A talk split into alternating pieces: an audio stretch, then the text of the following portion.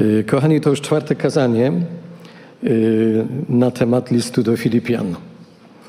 Y, Starożytni Rzymianie powtarzali, powtarzali, że powtarzanie jest matką nauk, więc zacznijmy może od podsumowania tego, co już wiemy na temat listu do Filipa. Dla tych, Filipian. Dla tych z Was, którzy są w temacie, to jest tylko powtórzenie. Ci z Was, którzy być może są po raz pierwszy, czy tutaj y, w centrum y, Malinka, czy na łączach internetowych, jeżeli jest to wasze pierwsze zetknięcie z tekstem listu do Filipian, to myślę, że będzie to bardzo fajne też wprowadzenie.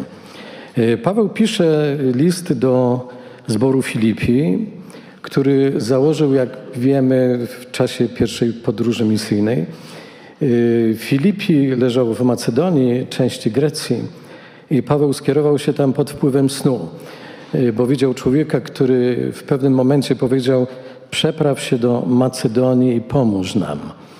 Jak pisze ewangelista Łukasz, gdy tylko Paweł ujrzał to widzenie, staraliśmy się zaraz wyruszyć do Macedonii, wnioskując, że nas Bóg powołał, abyśmy im zwiastowali dobrą nowinę. Pierwszą nawróconą w tym rejonie w mieście Filipi osobą była Lidia, sprzedawczyni purpury, w której domu zaczął się zbierać zbór, zbierać nawróceni, a kolejną osobą, moglibyśmy powiedzieć takie przeciwstawieństwo, to był stróż więzienny. Pamiętacie historię, gdy Paweł i Sylas zostali ubiczowani i wtrąceni do więzienia po wypędzeniu ducha wieszczego z dziewczyny, która dzięki temu, co robiła, przynosiła wielkie zyski swoim y, panom i w noc po aresztowaniu dochodzi do trzęsienia ziemi. Y, Bramy więzienia są otwarte i stróż więzienny myśląc, że w nocy wszyscy uciekli, chcą, chce pozbawić się życia, ale Paweł zawołał go, by nie czynił sobie nic złego, bo tam są wszyscy. Panowie, co mam czynić, by być zbawionym? Pyta stróż pod wpływem tego przeżycia i później zostaje ochrzczony wraz z całym domem. I to są pierwsi członkowie zboru Filipi. No, nie wiem, y, na ile to dobrze rokowało. Z jednej strony kobieta, kobieta biznesu, ja nie mam nic przeciwko do, y, nie mam nic przeciwko kobiet, czy tym bardziej, gdy idzie o kobiety biznesu, ale kobieta biznesu, nie pochodząca nawet z tego miasta, ale z Tiatyry, kobieta samotna, co w tamtym czasie nie było raczej mile widziane, wręcz przeciwnie, było bardzo podejrzane, oraz stróż więzienny. A na takie stanowisko nie wybierali żadnego mile wyglądającego pana, żadnego ostatecznego, starszego mężczyzny, ale kogoś stanowczego, by nie powiedzieć kogoś bezwzględnego, wręcz okrutnego. I apostoł Paweł mógłby westchnąć: Boże, do kogo Ty mnie posłałeś? Bizneswoman i oprawca. Niesamowite towarzystwo. Ale właśnie oni, przedsiębiorcza kobieta i stanowczy mężczyzna, dali początek zborowi, który przynosił wiele radości Pawłowi. Zborowi, który choć nie miał żadnych żydowskich korzeni, a może dlatego był zborem marzeniem, moglibyśmy powiedzieć radością, satysfakcją, jasno- jasną gwiazdą na firmamencie innych zborów, z powodu których Pawłowi nieraz włosy wypadały z głowy. W Filipii nie było żadnych problemów, ani doktrynalnych, ani moralnych. Wiecie, gdy czytam ten list, to przynajmniej oczami swojej wyobraźni widzę, jak Pawłowi kąciki ust unoszą się w uśmiechu. Pa, twarz mu się rozpromienia, a oczy błyszczą z radości. I być może mówi Filipianie, jak ja was bardzo kocham. Kochany zboże w Malince, ja naprawdę was bardzo kocham. I nie na tej zasadzie, że y, kocham was wszystkich. Miłość to jest kwestia bardzo skomplikowana. Ale naprawdę jestem Bogu wdzięczny za każdego z was. I to, że jestem tutaj przy was już prawie 35 lat. Aczkolwiek ja wiem, że tego po mnie nie widać, bo jestem bardzo młody.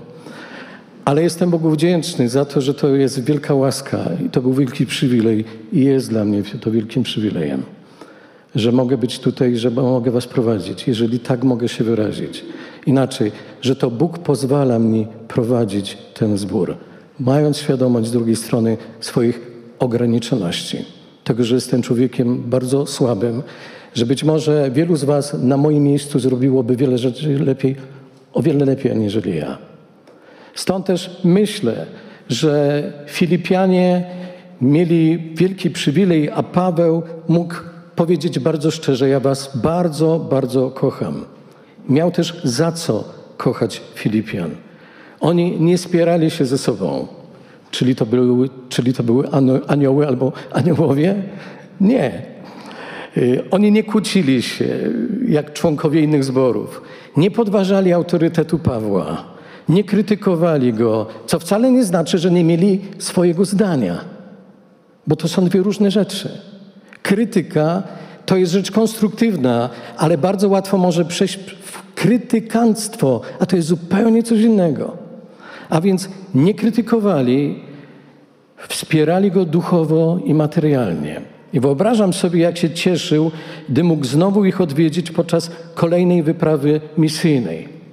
Ale od założenia zboru aż do napisania listu do Filipian mija 14 lat. Paweł znajduje się w więzieniu, w domowym więzieniu w Rzymie. Z jakiego powodu? Trzecia podróż misyjna Pawła dobiegła końca. Zaczęła się ona w Antiochii, to jest rozdział 18 dziejów apostolskich, przeczytajcie może w domu. Kończyła się w Jerozolimie, rozdział 21. I tam, w Jerozolimie, Paweł spotyka się z apostołem Jakubem starszym i ze starszymi zboru jerozolimskiego. I opowiada im o tym wszystkim, czego doświadczył w misji z poganami. Jednak ci starsi zwracają mu uwagę, że Paweł naucza odstępstwa od zwyczajów prawa. Namawiają wręcz Pawła, żeby ten na znak wierności przepisom prawa poddał się przepisom oczyszczenia wraz z czterema innymi osobami. I Paweł tak robi. To świadczy o pokorze Pawła. Paweł tego nie musiał zrobić, ale miał szacunek do tych, którzy byli starsi wierze. To jest, to jest rozdział 21.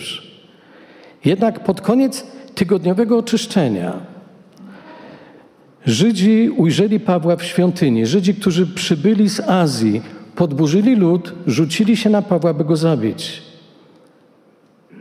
Można byłoby powiedzieć, jeśli nie przemówiła siła argumentów, użyli argumentów siły. Kochani, skąd my to znamy? Jeżeli nie jesteśmy w stanie przemówić swoimi argumentami jako ludzie, naszym argumentem nieraz jest siła. W ostatnim momencie Pawła ocalił dowódca rzymskiej kohorty, który kazał go skuć i zaprowadzić do twierdzy. I właściwie cały czas w trakcie swego pobytu w Jerozolimie apostoł Paweł był oskarżany przez przeciwnych mu Żydów i stawiany przed rzymskim trybunałem. W końcu w roku 60 Paweł, widząc, że prokurator Judei Porcjusz Festus jest coraz bardziej ustępliwy wobec żydowskich przywódców, korzystał z prawa, że jest obywatelem rzymskim i odwołał się do cesarza. Stąd zostaje odesłany statkiem do Rzymu i osadzony w areszcie domowym, skąd też pisze ten list.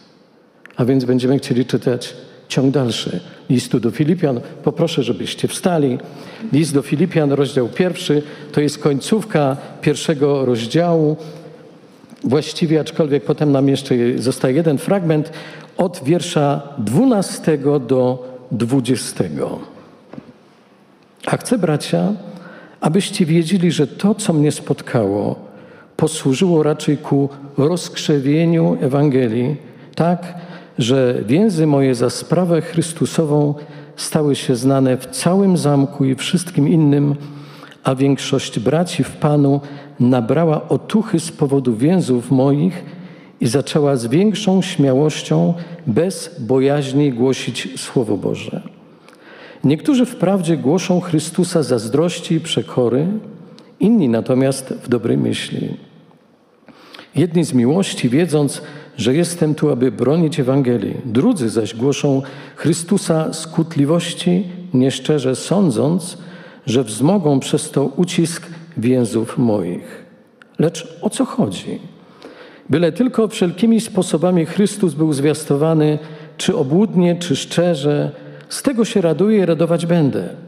Wiem bowiem, że przez modlitwę Waszą i pomoc Ducha Jezusa Chrystusa wyjdzie mi to ku wybawieniu, według oczekiwania i nadziei mojej, że w niczym nie będę zawstydzony, lecz że przez śmiałe wystąpienie, jak zawsze, tak i teraz, uwielbiony będzie Chrystus w ciele moim, czy to przez życie, czy przez śmierć. Usiądźcie. Paweł więc zostaje uwięziony. Mogłoby się wydawać, y, co za nieszczęście. Co teraz, jeśli go oskarżą, jeżeli go skażą? Zapewne wszystkie zbory zostają powiadomione o tym fakcie tak szybko, jak się da. Niestety szybko się wtedy nie dało. Wszyscy zostają proszeni o modlitwę za Pawła, by został uwolniony. I Paweł czeka. Mógłby w tym momencie być nieszczęśliwy, dowodzić, że to niesprawiedliwe, że praca, która tak wspaniale się rozwijała, nagle została przerwana. Zresztą sam mówi, yy, czytamy yy, w dziejach apostolskich, w 28 rozdziale, mężowie, bracia, nie uczyniłem nic przeciwko ludowi ani zwyczajom ojczystym, a jednak wydano mnie w Jerozolimie jako więźnia w ręce Rzymian. Kochani, pamiętacie historię starotestamentowego Józefa? Co powiedział Józef do braci? Wy wprawdzie knuliście zło przeciwko mnie, ale Bóg obrócił to w dobro. I właściwie w przypadku Pawła było to samo. Po raz kolejny okazało się, że nawet wtedy, kiedy wydaje się, iż jakaś sprawa jest przegrana, ostatnie słowo należy do Boga. Nie wiem, w jakim momencie swojego życia się znajdujesz. Nie wiem, z czym się musisz tropić, jeżeli tak mogę powiedzieć. Nie umiem teraz znaleźć odpowiedniego słowa. Może wydaje ci się, że sprawa jest przegrana, że nie ma dla ciebie żadnej szansy. Ale chcę ci powiedzieć i przypomnieć, że ostatnie słowo należy do Pana. I nie zapominaj o tym. Nawet jeżeli pewne sytuacje wydają się już przegrane, nie ma możliwości odkręcenia czegoś, nie ma możliwości zmiany. Ostatnie słowo zawsze należy do Pana. I tak właśnie stało się w przypadku Pawła. Wiersz dwunasty.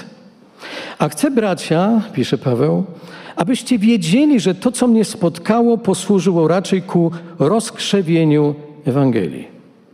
I moglibyśmy powiedzieć, że Paweł powtarza troszkę innymi słowami to, co Józef w Starym Testamencie powiedział. Wy wprawdzie, czyli ci ludzie, którzy spowodowali, że Paweł znajduje się w tym momencie, wy wprawdzie knuliście zło przeciwko mnie, ale Bóg w, w konsekwencji wszystkiego obrócił to w dobro. Jeżeli czytamy Dzieje Apostolskie, 28 rozdział, czy przedtem jeszcze 27, 26, jeżeli czytamy liście do, list do Filipian, uświadamiamy sobie, że był taki moment w życiu Pawła, gdzie wydawało się koniec, ale Bóg ma ostatnie słowo do powiedzenia i to, co się wydawało, że kończy się, było początkiem czegoś, czego Paweł nie był w stanie sobie wyobrazić, kalkulując zupełnie na chłodno.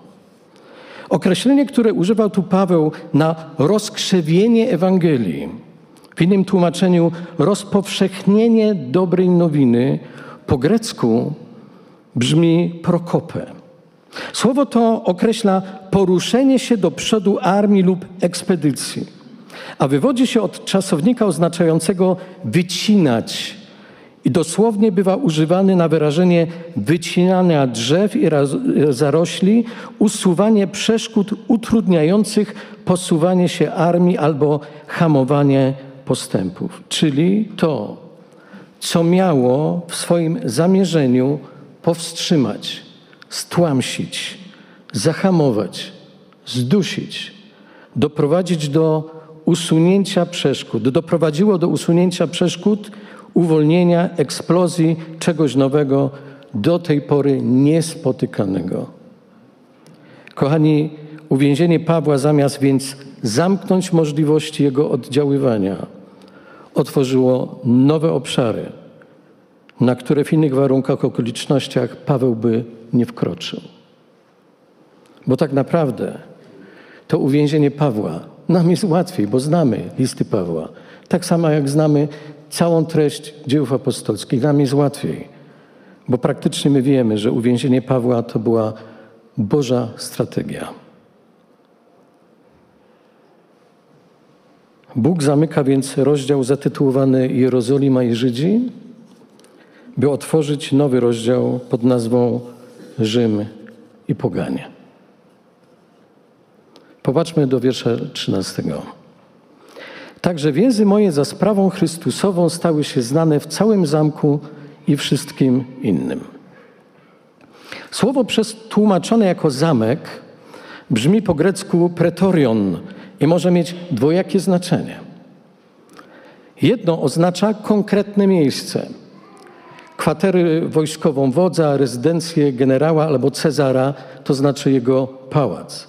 Z dziejów wiemy, że Paweł owszem, przebywał w wynajętym przez siebie mieszkaniu. Myślę, mieszkanie to jest za dużo powiedziane.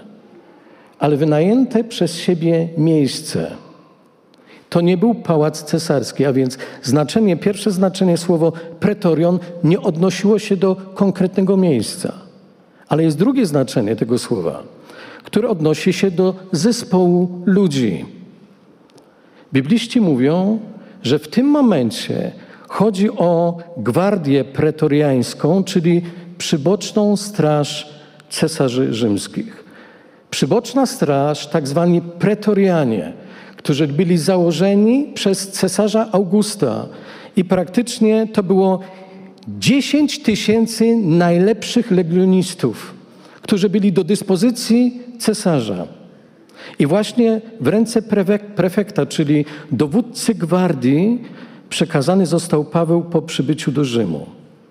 A na okres poprzedzający proces przed cesarzem pozwolono mu wynajmować lokal mieszkalny.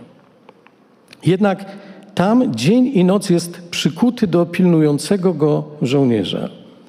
W dziejach apostolskich w rozdziale 28 Paweł mówi o sobie jako o tym, który dźwiga ten łańcuch. Greckie słowo halusis, kajdany, czyli dźwiga te kajdany. Kochani, kajdany to krótki odcinek łańcucha, którym nadgarstek więźnia był połączony z nadgarstkiem żołnierza. W tym celu, żeby uniemożliwić ucieczkę. Oczywiście strażnicy zmieniali się, bo Paweł był tak przykuty przez dwa lata. Wyobrażacie to sobie? Dwa lata. Zatem coraz to inny żołnierz gwardii pełnił wartę przy Pawle. I współczesnym określeniem można byłoby powiedzieć, to jest masakra. Totalna masakra. Ale okazało się, że przeciwnie, żeby to, że była to wspaniała okazja ku temu, żeby Paweł ewangelizował. Jeżeli żołnierz był przykuty do Pawła albo Paweł był przykuty do żołnierza, to chcąc nie chcąc ten żołnierz musiał słuchać. Czujecie to? Pan Bóg ma niesamowite poczucie humoru. Coś, co wydawało się rzeczą straszną, Bóg wykorzystuje. Paweł, którego rozsadza energia, który jeździ trzy podróże misyjne, praktycznie kilka tysięcy kilometrów, Paweł teraz musi siedzieć w, pojedynkę z żołnierzem, a żołnierzowi nie zostało nic innego, jak tylko słuchać. Myślę, że wkrótce znali każdy szczegół życia Zbawiciela. Świadectwo nawrócenia Pawła. Historię, jak się to stało, że z faryzeusza Saula, zagorzałego prześladowcy Pana Jezusa, stał się jego gorliwym naśladowcą, apostołem Pawłem. Paweł siedzi w więzieniu i słuchajcie, jeżeli teraz, nie wiem co ile godzin była zmiana, ale czujecie? Mogło być spokojnie kilkaset, jeżeli nie kilka tysięcy w gwardii pretoriańskiej. I Paweł ewangelizuje każdego z nich. Oni nie mają innej możliwości, jak słuchać. To nie tak jak w pewnym momencie, kiedy czytamy, Paweł stoi, czy to przed Festusem, czy Agrypą i chce coś, i mówi coś, i w pewnym momencie słyszy y, Paweł, powiesz nam o tym później, teraz wyjdź już sobie. I Paweł musi słuchać, ale w tym momencie Paweł siedzi, żołnierz siedzi, no i być może jestem przekonany, aczkolwiek żadne dynamiczne tłumaczenie o tym nie mówi. Jestem przekonany, że nie jeden z nich podjął swoją decyzję nawrócenia. Jestem przekonany. Kiedy nie tylko słyszał świadectwo Pawła, ale kiedy słyszał przez Pawła świadectwo o tym, kim jest Pan Jezus. Kochani, Paweł zwiastuje i z radością o tym pisze Filipianom. Wiersze 12-13 chcę przeczytać tłumaczenie nowego, najnowszego przykładu dynamicznego. Pragnę, abyście wiedzieli, że to, czego doświadczam w rzeczywistości, jedynie przysłużyło się rozpowszechnieniu dobrej nowiny o ratunku w Jezusie Chrystusie. Teraz już bowiem wszyscy w domu Cezara wiedzą, że zostałem uwięziony z powodu Chrystusa. Może z początku Paweł nie rozumiał tego, co się wydarzyło? Nie rozumiał, dlaczego te wszystkie trudności, jakich doświadczył w Jerozolimie, ale teraz już wie. Może ktoś z Was przeżywa jakieś konkretne trudności związane z tym, że dzielisz się Słowem, Ewangelią i nie napotyka to zrozumienia, gdy idzie o tych, którym zwiastujesz. Może doświadczasz trudności, ale nawet jeżeli nie rozumiesz, dlaczego, bo Twoje intencje są szczere, będzie taki moment, a jestem przekonany, że Bóg Ci to pozwoli przeżyć, że kiedy będziesz z perspektywy czasu patrzył na trudności, które były za Tobą, będziesz rozumiał dlaczego musiałeś przechodzić przez trudności i doświadczenia.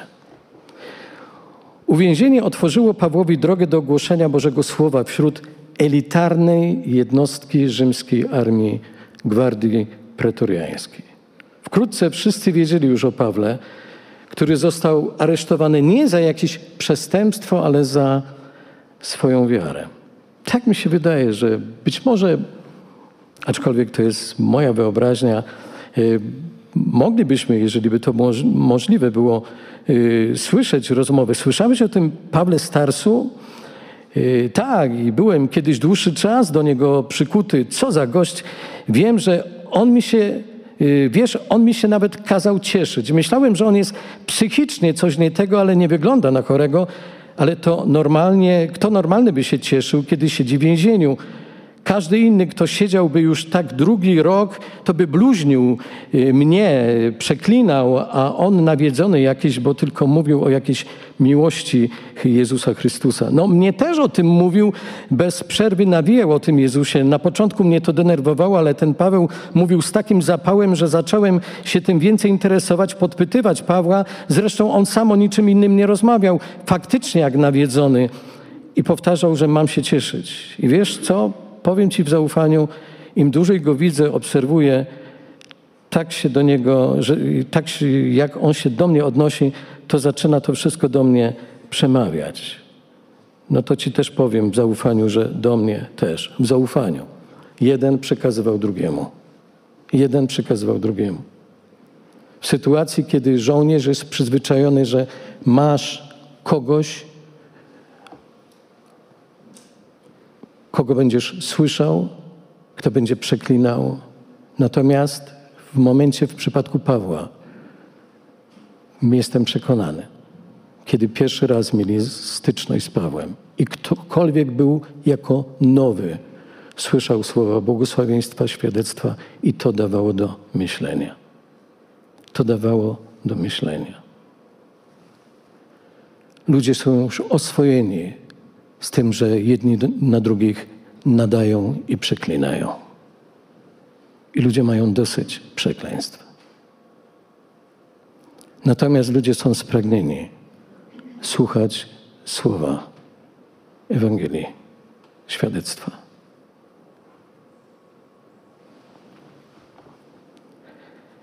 Czytamy, teraz już bowiem w pałacu Cezara wiedzą, że zostałem uwięziony z powodu Chrystusa. Ale to nie koniec. Bo jak donosi Paweł ukochanym Filipianom, wiersz 14. Większość braci w Panu nabrała otuchy z powodu więzów moich i zaczęła z większą śmiałością, bez bojaźni głosić Słowo Boże. Y, tłumaczenie Słowa Życia. Dzięki mojemu uwięzieniu wielu chrześcijan wyzbyło się lęku przed kajdanami tak, że z coraz większą odwagą opowiadają innym o Chrystusie. To jest jakiś paradoks aresztowanie Pawła zamiast ich zniechęcić do zwiastowania Ewangelii, zachęciło do tego.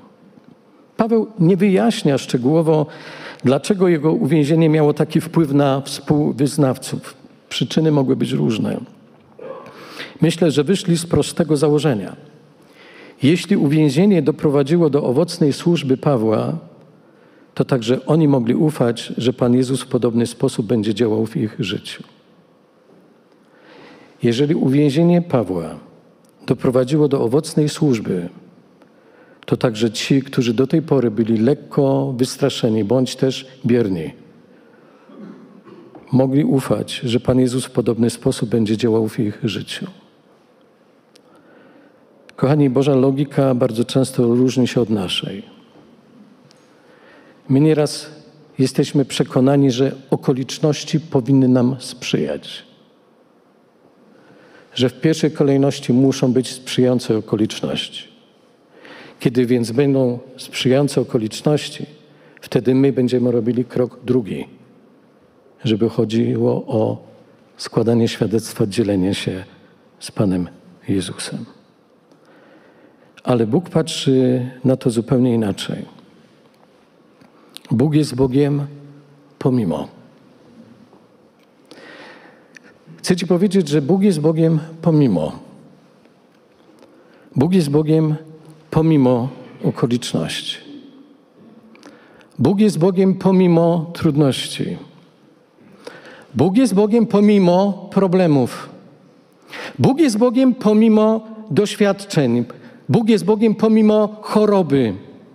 Pomimo i wstawmy sobie tutaj to, co nas gnębi.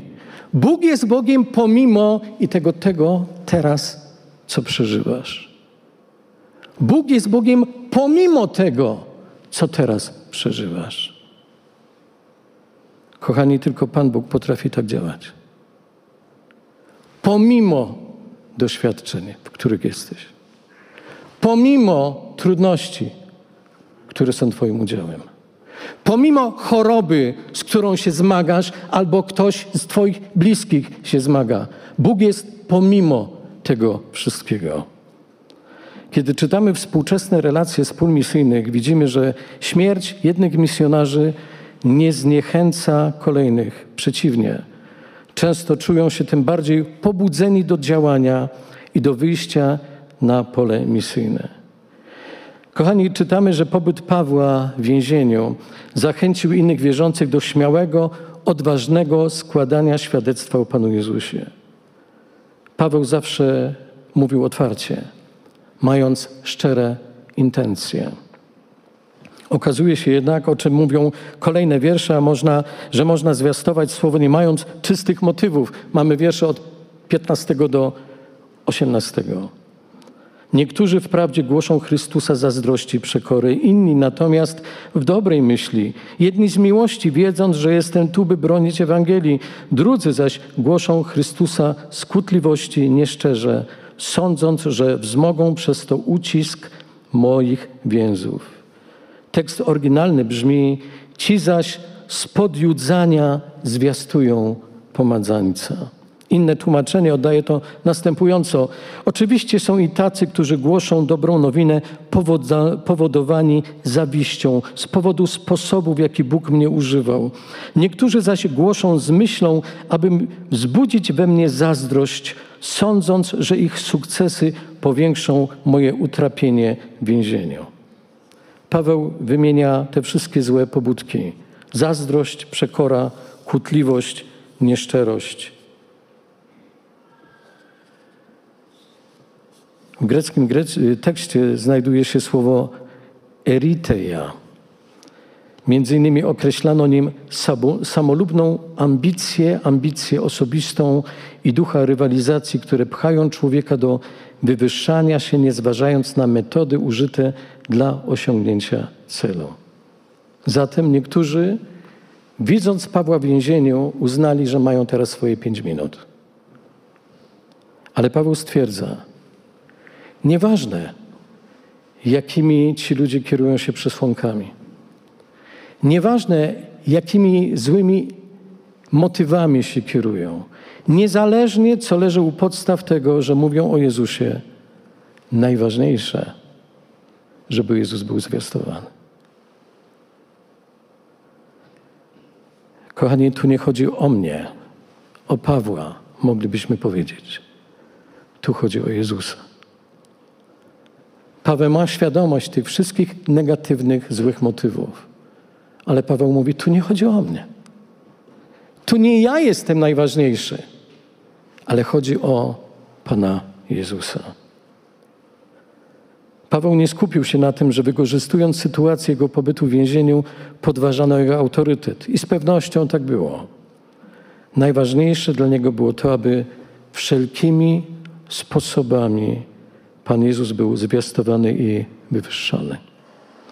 A w tłumaczeniu najnowszym brzmi to niezależnie od motywacji, jaką ktoś się kieruje, czy to obłudnie, czy szczerze, w ostatecznym efekcie Chrystus jest głoszony tu powszechnie i to mnie cieszy najbardziej. Wiecie, to jest niesamowite świadectwo, gdy chodzi o motywy Pawła. Niezależnie czym się inni kierują, Najważniejsze, żeby Jezus był uwielbiony i wywyższony. I to mnie najbardziej cieszy. Kochani, choć Pawłowi bez wątpienia było przykro, to w sposób jednoznaczny mówi to, co Jan Chrzciciel powiedział, patrząc na Pana Jezusa. On musi wzrastać. Ja muszę stawać się coraz mniejszy. Tu nie chodzi o mnie. Tu chodzi o Jezusa. I to jest wzór, przykład, wskazówkę dla każdego z Was. Dla mnie i dla każdego z Was. Dla każdego pastora, dla każdego księdza, dla każdego ewangelisty, dla każdego wykładowcy, dla każdego prezbitera, dla każdego członka zespołu uwielbiającego, ekipy technicznej, dla każdego członka zboru. To jest najważniejsze. To jest wskazówka. Tu nie chodzi o mnie, ale tu chodzi o Pana Jezusa. Tu nie chodzi o mnie, tu chodzi o Pana Jezusa. Zapraszam na przyszłą niedzielę. Niech Was Bóg błogosławi. Będziemy się modlić.